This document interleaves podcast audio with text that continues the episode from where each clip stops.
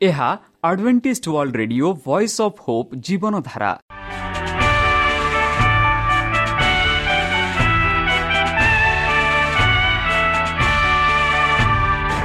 Odia radio କାର୍ଯ୍ୟକ୍ରମ ଯାହା ଆମର ଆନ୍ତର୍ଜାତୀୟ ଆଘାତ କେନ୍ଦ୍ରରୁ ପ୍ରସାରଣ କରାଯାଉଛି ପ୍ରତିଦିନ ରାତି ନଅଟା ତିରିଶ ମିନିଟ୍ରେ। ମୁଁ ସୁବ୍ରତ କୁମାର ପତି ପ୍ରେମର ସହ ଆପଣମାନଙ୍କୁ ଏହି କାର୍ଯ୍ୟକ୍ରମକୁ ସ୍ୱାଗତ କରୁଅଛି।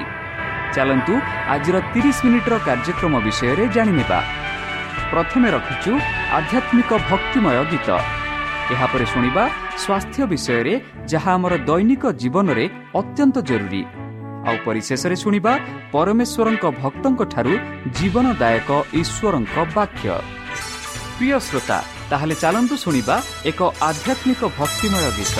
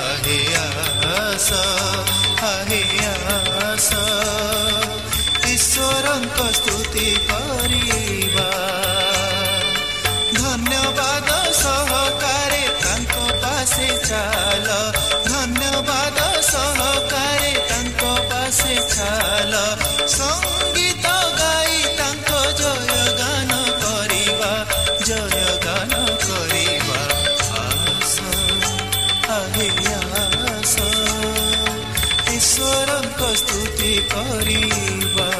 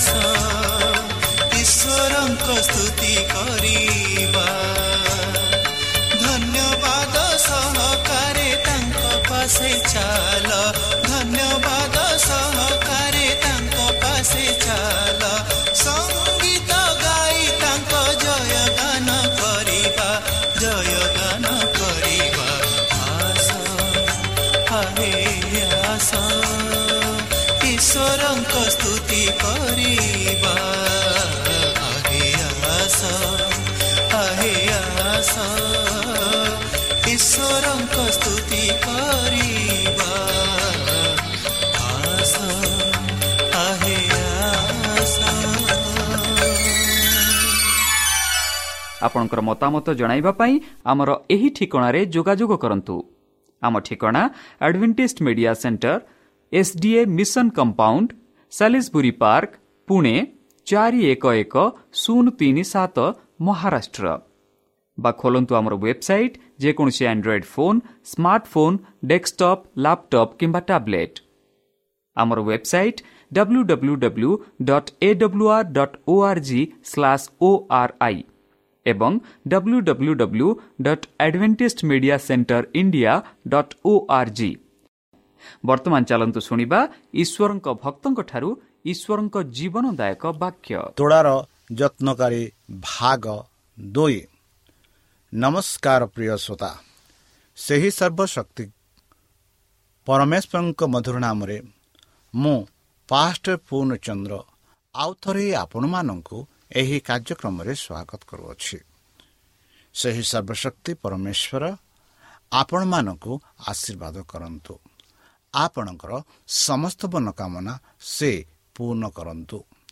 ଆପଣଙ୍କୁ ସମସ୍ତ ପ୍ରକାର ଦୁଃଖ କଷ୍ଟ ବାଧା କ୍ଲେଶ ଓ ରୋଗରୁ ଦୂରେଇ ରଖନ୍ତୁ ଶତ୍ରୁ ସୈତାନ ହସ୍ତରୁ ସେ ଆପଣଙ୍କୁ ସୁରକ୍ଷାରେ ରଖନ୍ତୁ ତାହାଙ୍କ ପ୍ରେମ ତାହାଙ୍କ ସ୍ନେହ ତାହାଙ୍କ କୃପା ତାହାଙ୍କ ଅନୁଗ୍ରହ ସଦାସର୍ବଦା ଆପଣଙ୍କଠାରେ ସହବର୍ତ୍ତୀ ରହୁ ତାହେଲେ ପ୍ରିୟ ଶ୍ରୋତା ଚାଲନ୍ତୁ ଆଜି ଆମ୍ଭେମାନେ କିଛି ସମୟ ପବିତ୍ର ଶାସ୍ତ୍ର ବାଇବଲଠୁ ତାହାଙ୍କ ଜୀବନଦାୟକ ବାକ୍ୟ ଧ୍ୟାନ କରିବା ଆଜିର ଆଲୋଚନା ହେଉଛି ତୋଡ଼ାର ଯତ୍ନକାରୀ ଭାଗ ଦୁଇ। ତୋଡ଼ାର ଯତ୍ନକାରୀ ଭାଗ ଏକ ଗତକାଲି ଆମେ ଆଲୋଚନା କରିଥିଲୁ। ଯେପରି ଜଣେ ବ୍ୟକ୍ତି ଏକ ବିଦେଶକୁ ଯାଆନ୍ତି ଆଉ ଯିବାବେଳେ ଆପଣା ଦାସମାନଙ୍କୁ ଡାକି ସେମାନଙ୍କ ଶକ୍ତି ଅନୁସାରେ ସେମାନଙ୍କୁ ତୋଡ଼ା ଦିଅନ୍ତି। ଆଉ ଦେଲା ପରେ ସେ ବିଦେଶରୁ ଫେରି ଆସୁଛନ୍ତି। ଆଉ ଯେଉଁ ଯେଉଁ ତୋଡ଼ା ସେମାନଙ୍କୁ ଦାୟିତ୍ୱ ଦେଇଥିଲେ ତାହା ବି ସେ ଜାଣିବା ପାଇଁ ଆପଣା ଦାସମାନଙ୍କୁ ଡାକି ସେ ପଚାରୁଛନ୍ତି। ଆଉ ଦାସମାନଙ୍କ ଠାରୁ କି ପ୍ରକାର ଉତ୍ତର ପାଉଅଛି ଆଉ ସେହି ମାଲିକ ସେମାନଙ୍କୁ କି ପ୍ରକାର ଉପହାର ଦେଉଛନ୍ତି ସେହି ବିଷୟରେ ଏହି ଭାଗ ଦୁଇରେ ଆମେ ଆଲୋଚନା କରିବା। ଯେପରିକି ମାଥ୍ୟୁ ପଚିଶ ଛବିଶ ସତେଇଶ। ରେ ଆମେ ପାଉଅଛୁ କିନ୍ତୁ ତାହାର ପ୍ରଭୁ ତାହାକୁ ଉତ୍ତର ଦେଲେ ହେ ଦୁଷ୍ଟ ଓ ଅଳସ ଦାସ ମୁଁ ଯେଉଁଠାରେ ବୁଣି ନଥାଏ ସେଠାରେ କାଟେ। ଆଉ ଯେଉଁଠାରେ ଶସ୍ୟ ଉଡ଼ାଇ ନଥାଏ ସେଠାରେ ସଂଗ୍ରହ କରେ। ଏହା କ'ଣ ଜାଣିଥିଲୁ? ତେବେ ବଣିକମାନେ ହସ୍ତର ମୋହର ଟଙ୍କାର ରଖିବା ତୋର ଉଚିତ ଥିଲା। ତାହେଲେ ମୁଁ ଆସି ଶୁଦ୍ଧ ସହିତ ମୋର ଧନ ଫେରି ପାଇଥାନ୍ତି। ବନ୍ଧୁ ଯେପରି ଏହି ଦୃଷ୍ଟାନ୍ତରେ ଆମେ ପାଉଅଛୁ କି ଗତ ଦୃଷ୍ଟାନ୍ତରେ ଗତ ଆଲୋଚନାରେ ଆମେ ଆଲୋଚନା କରିଥିଲୁ ସେହି ପ୍ରଭୁ ସେମାନଙ୍କୁ ଜଣକୁ ପାଞ୍ଚ ତୋଡ଼ା ଦେଇଥିଲେ ଅନ୍ୟକୁ ଦୁଇ ତୋଡ଼ା ଦେଇଥିଲେ ଆଉ ଜଣକୁ ଗୋଟିଏ ତୋଡ଼ା ଦେଇଥିଲେ। ଆଉ ସେଇ ଯେଉଁ ଦୁଇ ବ୍ୟକ୍ତି ସେଇ ପାଞ୍ଚ ତୋଡ଼ା ଯେ ପାଇଥିଲା ସେ କଷ୍ଟକର କାମ କରି ଆଉ ପାଞ୍ଚ ତୋଡ଼ା ସେ ଗ୍ରହଣ ବାରେ ଆଦୟ କଲା। ଆଉ ଯେଉଁ ବ୍ୟକ୍ତି ଦୁଇ ତୋଡ଼ା ପାଇଥିଲା ସେ କଷ୍ଟରେ କାମ କରି ତାକୁ ଚାରି ତୋଡ଼ା କରିଥିଲା। ମାତ୍ର ଯେଉଁ ବ୍ୟକ୍ତି ଗୋଟିଏ ତୋଡ଼ା ପାଇଥିଲା ସେ ନେଲା ସେ ଭାବିଲା ପ୍ରଭୁ ବହୁତ ଅଳସୁଅ। ଆଉ ଯେଉଁଠି ସେ ନ ବୁଣେ ସେଇଠି ସେ କାଟେ ବୋଲି ସେଇ ଟଙ୍କା ବା ସେଇ ତୋଡ଼ା ନେଇ ଏକ ଗାତ ବିଷୟରେ ତାକୁ ତୋପି ଦେଲା ଆଉ ଆଜି ଆମେ ପାଉଅଛୁ କି ପରମେଶ୍ୱର ସେମାନଙ୍କୁ ସମସ୍ତଙ୍କୁ ଡାକନ୍ତି। ଆଉ ସେମାନେ ସେମାନଙ୍କ କଷ୍ଟ ଅନୁସାରେ ତାହାଙ୍କ ପ୍ରଭୁମାନଙ୍କୁ ତାଙ୍କ ପ୍ରଭୁଙ୍କୁ ଯାହା ଯାହା ପାଇଥିଲେ ଯାହା ଯାହା ସେମାନେ କଷ୍ଟ କରେ ପାଇଲେ ତାହା ସେମାନେ ଫେରାଉଛନ୍ତି। ଆଉ ବର୍ତ୍ତମାନ ଯେଉଁ ଦାସ ଗୋଟିଏ ତୋଡ଼ା ପାଇଅଛି ସେଠି ଯେପରି ଯେପରି ସେ ଜବାବ ଦେଇଥିଲେ ସେହି ଜବାବର ଉତ୍ତର ଆମେ ପାଉଅଛୁ। ସେ କହିଲେ କିନ୍ତୁ ତାହାର ପ୍ରଭୁ ତାହାକୁ ଉତ୍ତର ଦେଲେ? ହେ ଦୁଷ୍ଟ ଓ ଅଳସ ଦାସ ମୁଁ ଯେଉଁଠାରେ ବୁଣି ନଥାଏ ଏହିପରି ସେଇ ଦୁଷ୍ଟ ଦାସ କହିଥିଲେ? ସେଠାରେ କାଟେ। ଆଉ ଯେଉଁଠାରେ ଶସ୍ୟ ଉଡ଼ାଇ ନଥାଏ ସେଠାରେ ସଂଗ୍ରହ କରେ। ଏହା କ'ଣ ଜାଣିଥିଲୁ? ଏହିପରି ସେହି ମାଲିକ ସେହି ଦୁଷ୍ଟ ଦାସକୁ ତାହାର ପ୍ରଶ୍ନର ତାର କଥାର ଉତ୍ତର ଦେଉଛନ୍ତି। ଆଉ ସେ କହନ୍ତି ହଁ ମୁଁ ତନେ ଅଳସ। ମୁଁ ଜଣେ ବ୍ୟକ୍ତି ଯେଉଁଠାରେ ବୁଣେ ନାହିଁ ସେଠାରେ କାଟେ। ଆଉ ମୁଁ ଜଣେ ବ୍ୟକ୍ତି ଯେଉଁଠାରେ ଶସ୍ୟ ଉଡ଼ାଇ ନଥାଏ ସେଠାରେ ସଂଗ୍ରହ କରେ। ଠିକ୍ ଅଛି। ମାତ୍ର ଯେଉଁ ଟଙ୍କା ମୁଁ ଦେଇଅଛି ବା ଯେଉଁ ତୋଡ଼ା ମୁଁ ଦେଇଅଛି ସେହି ତୋଡ଼ା ତୁମେ ବଣିକମାନଙ୍କ ହସ୍ତରେ ଯଦି ଦେଇଥାନ୍ତ ସେ ବଣିକମାନଙ୍କ ଠାରୁ ମୁଁ ଆସିଲା ବେଳେ ସେହି ତୋଡ଼ାର ଶୁଦ୍ଧ ମୁଁ ପାଇଥାନ୍ତି ବୋଲି ସେ କହିଲେ। ଯେପରି ସତାଇଶ ପଦରେ ଆମେ ପାଉଛୁ ତେବେ ବଣିକମାନଙ୍କ ହସ୍ତରେ ମୋର ଟଙ୍କା ରଖିବା ତୋର ଉଚିତ ଥିଲା?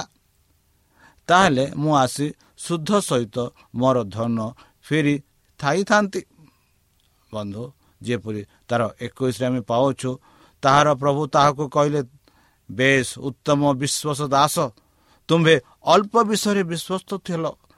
ମୁଁ ତୁମକୁ ବହୁତ ବିଷୟ ଉପରେ ନିଯୁକ୍ତ କରିବି।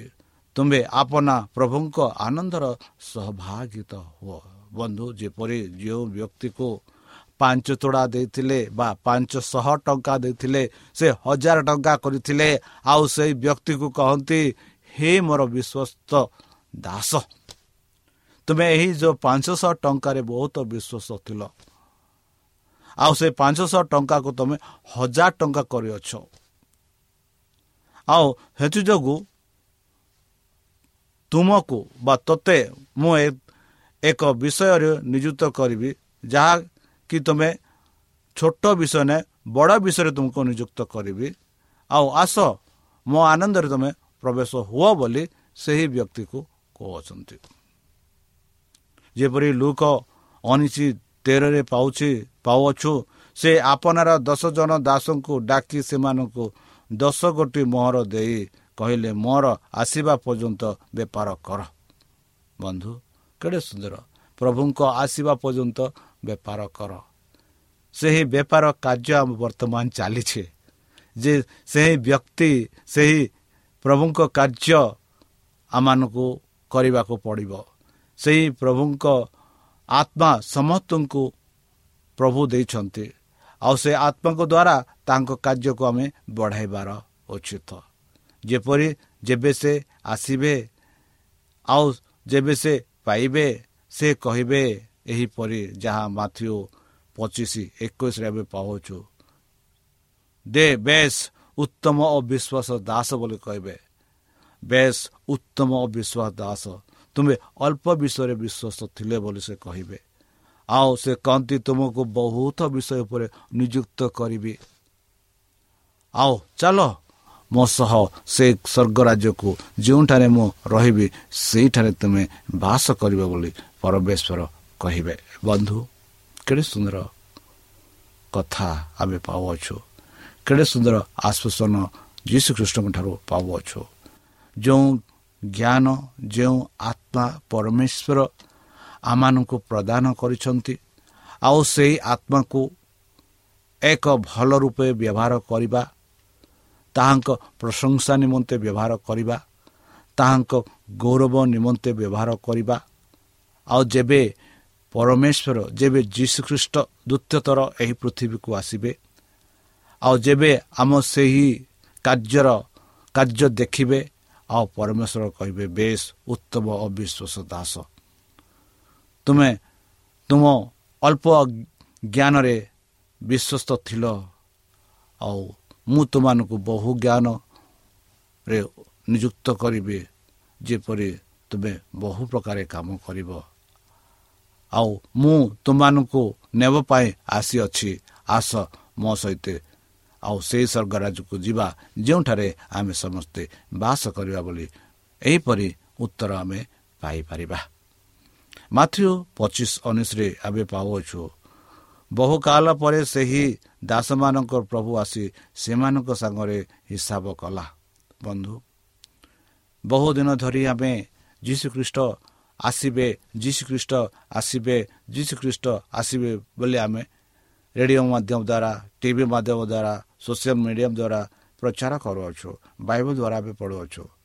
ଆଉ ବହୁ ଶୀଘ୍ର ଯୀଶୁଖ୍ରୀଷ୍ଟ ଆସିବେ। ଯେପରି ମାଥ୍ୟୁ ପଚିଶ ଉଣେଇଶରେ ଆମେ ପାଉଛୁ କି ବହୁ କାଳ ପରେ ସେହି ଦାସମାନଙ୍କର ପ୍ରଭୁ ଆସି ସେମାନଙ୍କ ସାଙ୍ଗରେ ହିସାବ କଲେ। ହଁ ବନ୍ଧୁ ପରମେଶ୍ୱରଙ୍କ ସମ୍ମୁଖରେ ଆମେ ପ୍ରତ୍ୟେକ ବ୍ୟକ୍ତି ଏକ ହିସାବ ଦେବାକୁ ପଡ଼ିବ। ଯଦି ଆମେ ଭଲ କାମ କରିଅଛୁ ଭଲ କାମର ହିସାବ ଦେବାକୁ ପଡ଼ିବ। ଯଦି ଆମେ ଖରାପ କାମ କରିଅଛୁ ଖରାପ କାମର ହିସାବ ଦେବାକୁ ପଡ଼ିବ। ଆଉ ସେଇ ହିସାବ ଅନୁସାରେ ହିଁ ଆମେ ଯେଉଁ ଉପହାର ପାଇବାର ଉପଯୁକ୍ତ ଉପଯୁକ୍ତ ଅଛୁ ସେହି ଉପହାର ଉପହାର ଆମେ ପାଇପାରିବା। ଯେପରି ଆମେ ପ୍ରଥମ ପଦରେ ଦେଖିଲୁ କି ତାର ପ୍ରଭୁ ତାହାକୁ ଉତ୍ତର ଦେଲେ ହେ ଦୁଷ୍ଟ ଓ ଅଳସୁଅ ଦାସ ମୁଁ ଯେଉଁଠାରେ ବୁଣି ନଥାଏ ସେଠାରେ କାଟେ ବୋଲି ତୁମେ ଭାବୁଅଛ। ଆଉ ଯେଉଁଠାରେ ଶସ୍ୟ ଉଡ଼ାଇ ନଥାଏ ସେଠାରେ ସଂଗ୍ରହ କରେ ବୋଲି ତୁମେ ଭାବୁଅଛ।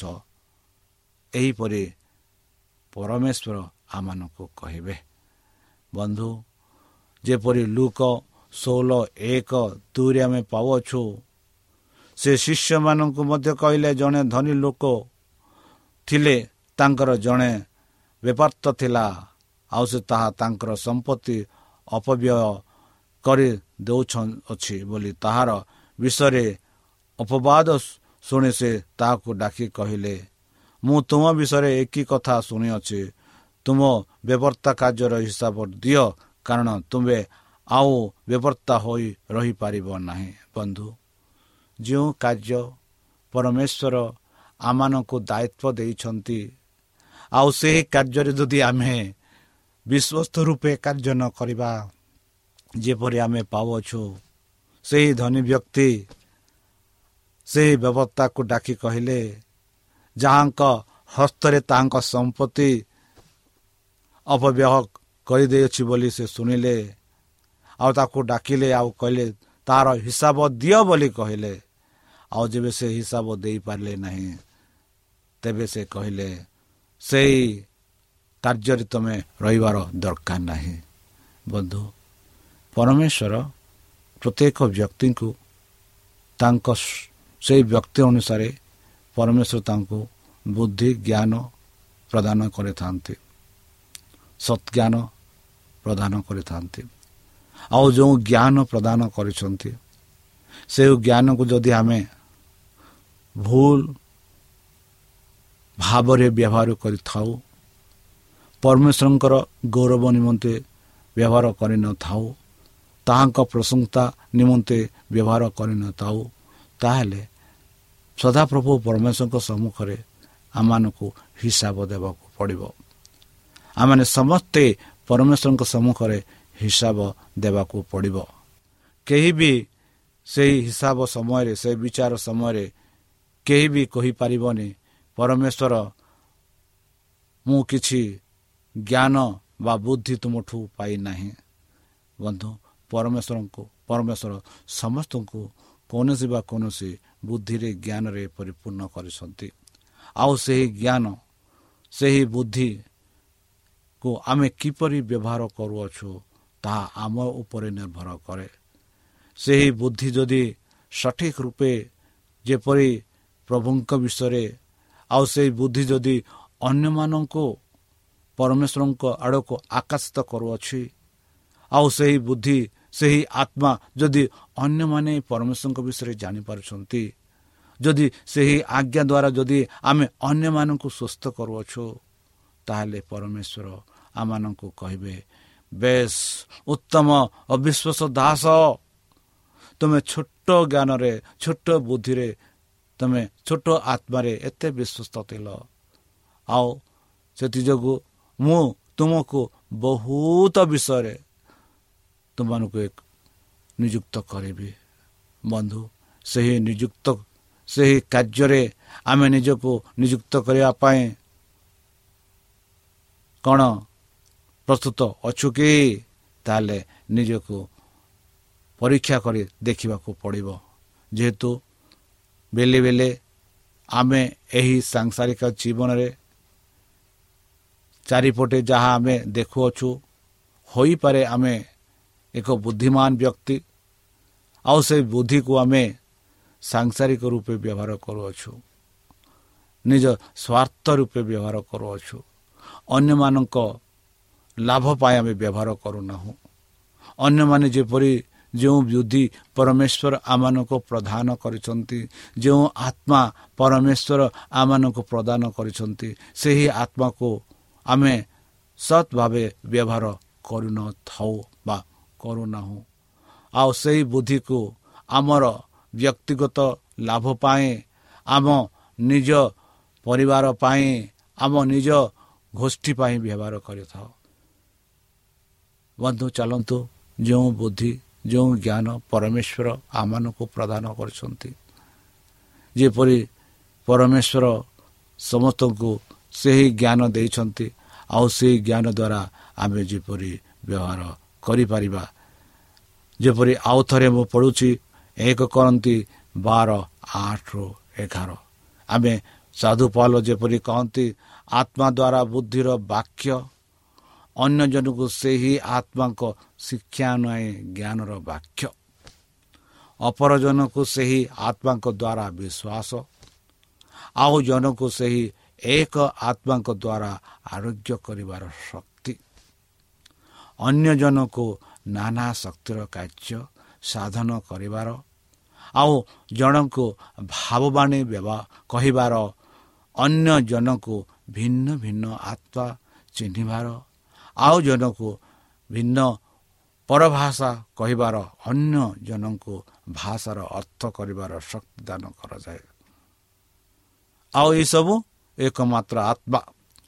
ଆପଣା ଇଚ୍ଛା ଅନୁସାରେ ପ୍ରତ୍ୟେକ ଜଣଙ୍କୁ ପୃଥକ ପୃଥକ ରୂପେ ଦାନ କରିବାର ବିତରଣ କରି ଏହି ସମସ୍ତ କର୍ମ ସାଧନ କରନ୍ତି। ବନ୍ଧୁ ଜଣେ ଶିକ୍ଷକ ଜଣେ ଇଞ୍ଜିନିୟର ଜଣେ ଡାକ୍ତର ଜଣେ ଗାୟକ ଜଣେ ଅଧିନାୟକ ଜଣେ ନେତା ଏହିସବୁ ପରମେଶ୍ୱରଙ୍କ ଦ୍ୱାରା ପ୍ରଦାନ କରିଛନ୍ତି।